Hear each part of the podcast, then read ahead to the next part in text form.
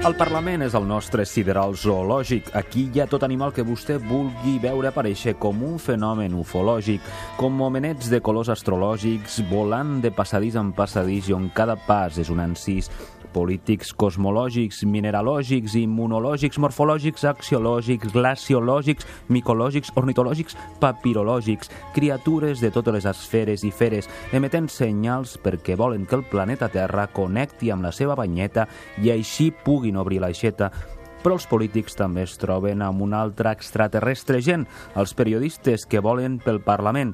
Selenites i amantenes fins i tot a les venes han de decodificar els missatges xifrats dels polítics tutti frutti i de milions de paraules encriptades o que s'amaguen darrere arengades i fins i tot ocultades en cases adosades.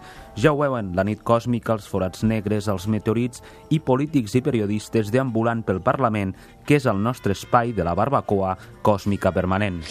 Doncs genial d'impacte, gràcies Xesco, i així tancarem.